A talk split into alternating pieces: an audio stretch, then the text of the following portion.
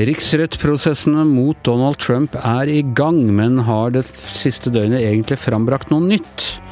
Og Senterpartiet overtar sentrum i norsk politikk og kan nå bli landets største, ifølge valgforsker Johannes Berg. Dette er Gjever og gjengen. Det er torsdag den 14. november.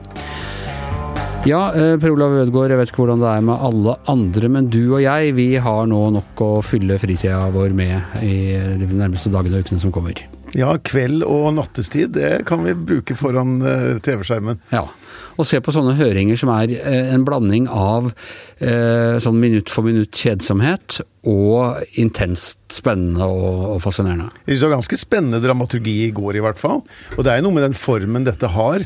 Um, hvor du har en gruppe som stiller spørsmål. Spørsmålet er veldig farget av hva slags politisk uh, av og til vil jeg si at det ikke er noen spørsmål engang, men bare ren uh, markering fra, fra, de som stiller dem. Ja, han, han, ene republikaneren han var liksom sånn nei, nei, nei, hold kjeft. Han eh, Taylor som han drev og spurte, han ville ikke høre svaret, han skulle bare si det han mente. Liksom. Virkelig. Men det er, eh, det er spennende å få disse, dette nå i i det åpne, for å si det slik. For vi har jo nå i mange uker hatt lukkede høringer. Mm, det har kommet, ut, og... kommet ut noen uh, skriftlige vitnemål, men det er helt annerledes å se det i virkeligheten. Og de to som vitnet i går, er jo faktisk folk som sitter i administrasjonen. Altså Den ene er da tjenestemann i Utenriksdepartementet, ansvaret for Ukraina-politikken der. Og den andre er fungerende ambassadør til Ukraina. Og han, uh, William Taylor, kanskje han som gjorde mest inntrykk, klassisk amerikansk uh, diplomat, har tjent tror jeg alle presidenter siden Ronald Reagan. Mm. Uh, og den typen du liksom ser for deg, han kunne vært ambassadør i Oslo eller hvor som helst, ikke sant? Og, og, kommer inn og, og, forteller hva som er de amerikanske posisjonene. Karrierediplomat med da uh, militær bakgrunn. Ja, og opptatt av stabilitet i Europa har liksom vært mm. hans, hans, kjennemerke. Og han fortalte jo da øh, Han var jo, øh, det var ikke noe særlig tvil om det, han var jo rystet over hele den prosessen, eller den parallellprosessen som hadde foregått i Ukraina ved siden av den øh, ordinære diplomatiske prosessen i forbindelse med regjeringsskiftet i Ukraina. Så har det altså foregått en hva skal jeg si, uformell prosess som har gått ut på å få myndighetene i Ukraina til å etterforske korrupsjon, og da særlig eh, ting som eventuelt har med Hunter Biden, sønnen til Joe Biden, å gjøre. Ja, og det, det var jo den Det som ble beskrevet som en høyst irregulær eh, diplomatisk kanal da, av eh, både George Kent, altså han som da sitter i UD, og også uh, Taylor, som du sier. Taylor sa jo at USAs utenrikspolitikk ble underminert av Rudy Giulianis irregulære anstrengelser, og Rudy Giuliani er jo da Privatpraktiserende utenriksminister under Trump, må vi si. Må faktisk kunne si det. Han har jo formelt har, har jo jobben som hans personlige advokat, men her har han jo drevet utenrikspolitikk helt på siden av det som um, Altså to ord om Guliani. Han var jo, han var jo opprinnelig sånn statsadvokat uh, i, uh, i, New York. Uh, utrolig effektiv antikorrupsjonsjeger. og antikriminalitet. Og antikriminalitet. Mm. var med på å, å gjøre New York til en trygg by igjen på tidlig 90-tall. Ble valgt til borgermester på bakgrunn av dette. Eh, og var liksom en av de store heltene på 11.9.2001, eh, da du bodde i byen. Mm. Da var jo Guliani liksom, han var større enn Bush, i, i, hvert fall i New York City. Ja, og det ble jo sagt om eh, Giuliani at han reddet New York to ganger. Både det som du nevner, og dette den kompromissløse kampen mot kriminaliteten på 1990-tallet. Ryddet virkelig opp i byen.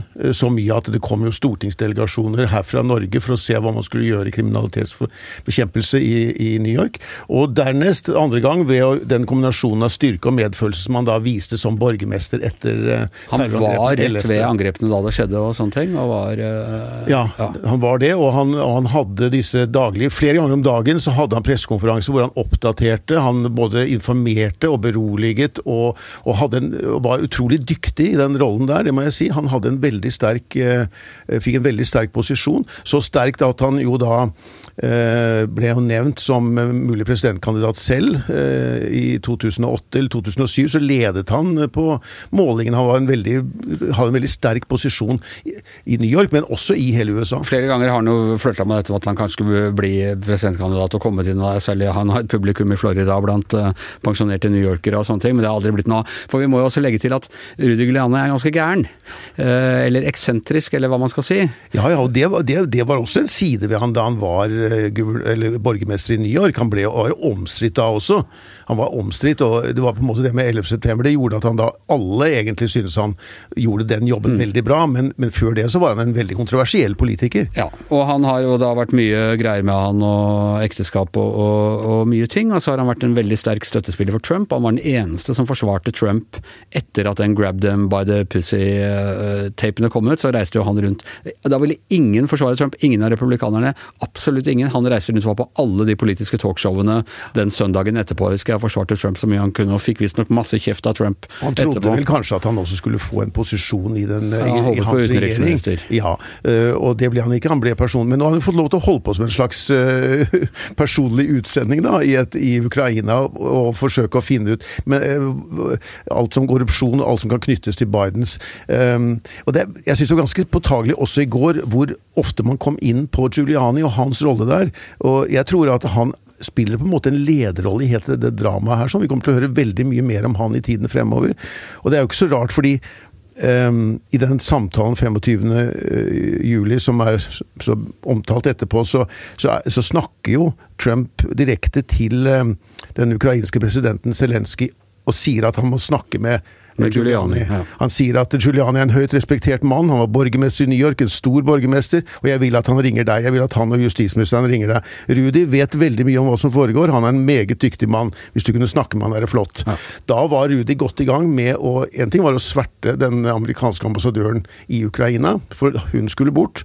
Og det andre var å forsøke å få i gang en etterforskning da mot Hunter Biden og Joe Biden og, denne, og, også dette som handlet om Ukrainas påståtte denne konspirasjonsteorien om at Ukraina hadde en rolle i det amerikanske presidentvalget i 2016. Og Guliani skal visstnok etter at Trump ble president, han er fortsatt bare New York-advokat egentlig, truffet sju statsledere rundt omkring i verden på, med liksom sånn anbefalelsesbrev fra Donald Trump. Så Tiden løper altfor fort, og det er eh, her vi, her vi, sitter er det nå bare litt over en time til eh, høringene starter igjen. Eh, spennende om det, om det kommer noe mer, for de har jo ikke foreløpig ingen knyttet Trump direkte til denne pressinga. Det var en overhørt telefonsamtale, var liksom det nærmeste vi kom i går. Republikanerne etterlyser jo hele tiden at man skal ha direkte førstehåndskilder, men alle de som er førstehåndskilder, de har jo Trump sagt ikke får lov til å stille Nei. i kongresshøringene. Ja. Og da blir det litt vanskelig. Og så blir det noe bak lukkede dører og sånne ting etter hvert. Men uh, vi lover dere at vi i hvert fall skal følge med. Uh, og så skal vi skifte tema her.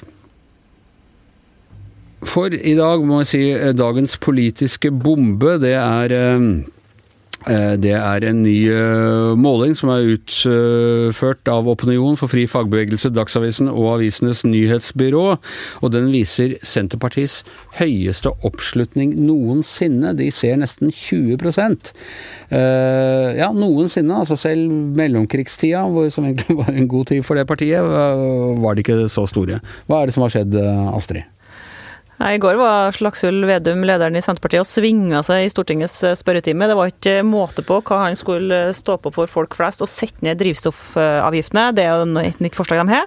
Og så skulle han eh, få ned elavgiftene, og han anklaga sittende regjering for å bare dynge folk ned med avgifter og skatter og dritt og lort. Ja. Hva kommer dette av Roar Hagen, du som har ditt eget blikk på norsk politikk, og som har uh, vært innom noen av de samme evangeliene som de i Vedum nå kjører hardt på de siste årene? Det er jo, det er jo to årsaker. og det er jo, ene er jo at regjeringen sentraliserer for sterkt, vil mange mene. Og, Alle disse nærreformene? Ja, det, det, handler om eh, sykehus og høgskole og tingrett, politi og, videre. Alt det der. Kommunen tvangssammenslåing. Ja. Um, og så har du det forholdet at Arbeiderpartiet sliter veldig med å formulere en eh, opposisjon til sittende regjering, og der kommer Senterpartiet inn. Så får de også hjelp av Miljøpartiet De Grønne, som vil ha oss til å bli eh, Eh, fôra på importerte avokados, ikke sant? men du, det der, jeg, jeg, vi kan gi Miljøpartiet De Grønne skylda for mye, men de går jo også fram da, ikke sant? Så det, går jo... fram eh, i et annet segment. Ja.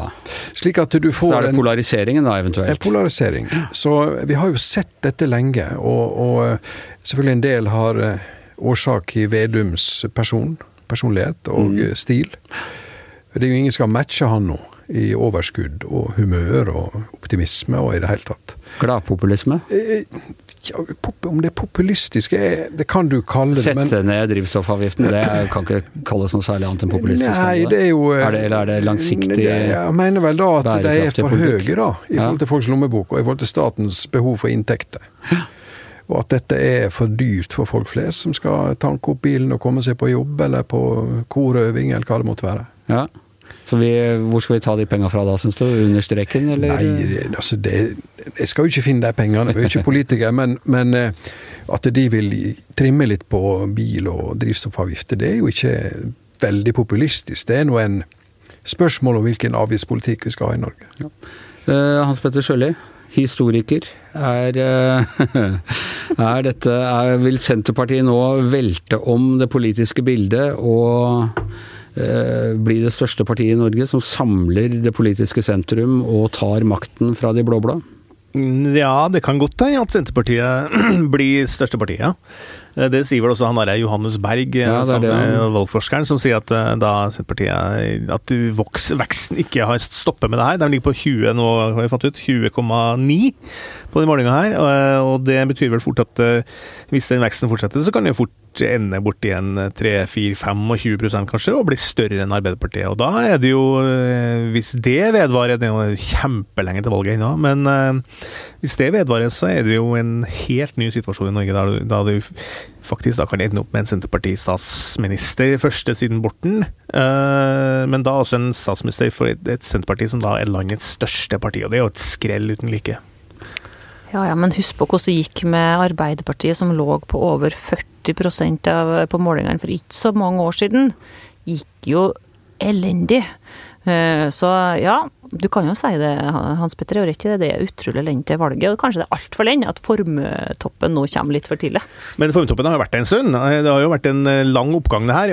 Og det er jo ikke noen tvil om at Roar nevner jo sentralisering og alt det der, men det er jo ikke bare det. Altså det er åpenbart at regjeringa fører en politikk som ikke er spesielt populær, men, men det er jo også mer sånne internasjonale trender, og de kommer jo gjerne litt sånn til andre tidspunkt i Norge også, litt seinere, eller eventuelt litt før, da. Eh, så, men det som jeg tenker, at det er jo at eh, det her er jo, det er jo et, Senterpartiet har blitt et protestparti, det er det ikke noe tvil om. Um, og det, eh, den protest, de pro, pro, proteststemmene har jo tidligere blitt fanga opp av helt andre partier, f.eks.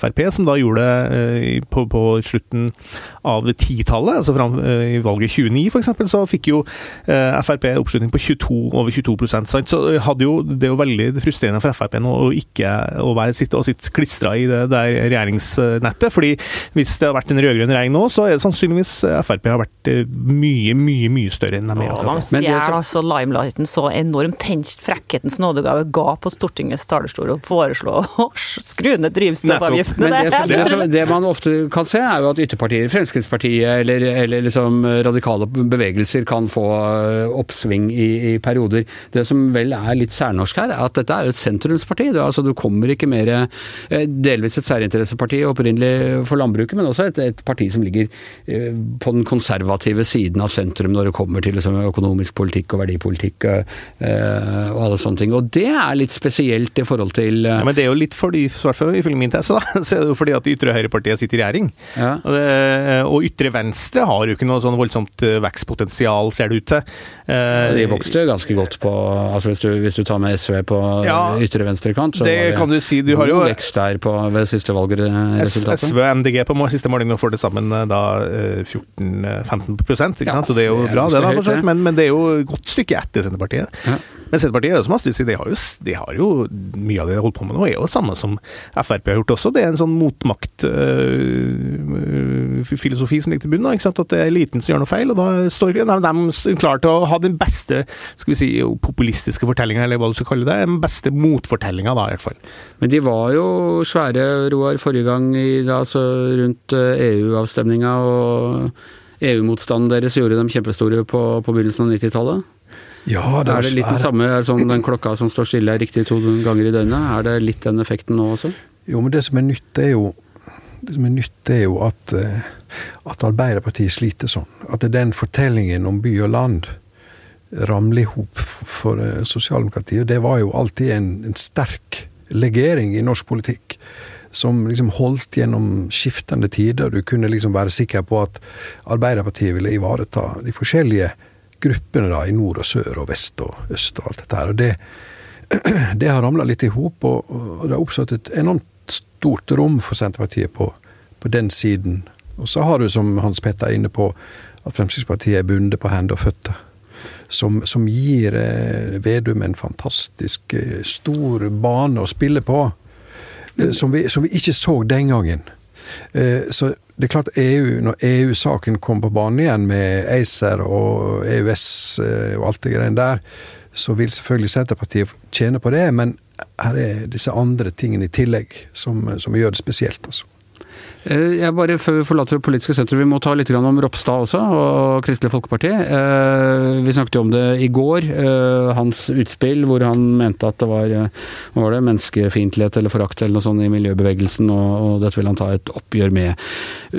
Vi snakket vel litt om at han hadde formulert seg litt klønete og sånne ting, men han står altså ved hvert ord, og han får jo støtte fra en del. og om formuleringene var liksom klønete, så er det en del som mener at eh, det er en helt bevisst strategi uh, for å gå inn i et nytt rom uh, i det politiske landskapet og, og skaffe eksistensberettigelse for Kristelig Folkeparti? Uh, helt åpenbart. Altså, det var jo for først så holdt han jo en tale om, for sentralstyret for KrF om det her, ikke sant? og gjentok det da på Politisk kvarter, og da tok alt fyr. Uh, så det var ikke noe han fant på in the spur of the moment. Det var jo en gjennomtenkt strategi her, og KrF er jo uh, åpenbart et parti som, som, trenger å reorientere seg i det politiske landskapet. De regner vel med KrF også, at de kommer til å miste regjeringsmakta i 2021. De fleste tror det. Og hvor skal da KrF gå på en måte i neste omgang, da? Og det er vel det Ropstad nå prøver å lete seg fram til et en ny fortelling. Og han er jo også eh, Kristenheten er delt i to. Han appellerer til én type kristendom, men han er også eh, mer, mer, generelt eh, veldig fascinert, vil jeg tro, og veldig misunnelig på den fremgangen Senterpartiet har. Da. Så han vil jo prøve å eh, spille litt på de samme fortellingene, samme stereotypiene som Senterpartiet også bruker. Er det også et element at han, eh, Kristelig Folkeparti har jo nesten hatt Frp som hovedfiende i, i mange år, og nå som det er i uh, regjering med dem, så må de finne seg en ny god fiende. Ja, men de er jo også, spiller jo inn på Frp sine eh, jaktmarker her. De ja, prøver, prøver, å, ja. prøver, å gjøre det som Sylvi Listhaug også har prøvd på, nemlig å mobilisere den mer Jon Alvheim-delen av partiet? ja, den mer konservative. Og litt sånn eh, elitekritiske, eh, antiurbane delen av, mm. av, av velgerkorpset. Der, der, prøver nok han å sikte seg inn på om det er noe potensial der. Det, vet jeg, det er jo ganske trangt, det er jo ganske stor konkurranse om de velgerne. Også. Og det er jo hvert fall stor konkurranse om å drive og disse miljøvernere for tida det er det jo mange som er gode på. Men jeg syns fortsatt, uh, synes fortsatt at Frp og Senterpartiet er hakket hvassere enn Ropstad til å ta miljøbevegelsen. ikke sant? Når det er som snakker om kjøttfrie dog og slike ting som folk kjennes igjen i. da. Det, det, tror jeg egentlig ikke noen kjenner seg igjen i, at miljøbevegelsen sitter og setter hunden sin framfor mennesker. Det ble veldig abstrakt, uh, den kritikken. liksom. Jeg så ikke noen, fikk ikke noen ansikt oppi hodet mitt som er liksom relatert til den kritikken. Nei, Når de omtrent liksom fikk skylden for ettbarnspolitikken i Kina under Mao, så virka det kanskje litt farfetch. Hva syns du om dette, Roar? Nei, altså, jeg kan, godt, jeg kan godt være enig i at det var klossete framført osv. Litt, litt amatørmessig. Men eh, det er jo ikke tvil om at han utfordrer to retninger nå i, eller, i, i, i samfunnsutviklingen. Og det Altså, i Guds orden, altså et, et kristent, tradisjonelt syn, så er det jo mennesket som troner øverst. Og da slakter du påskelam og spiser det.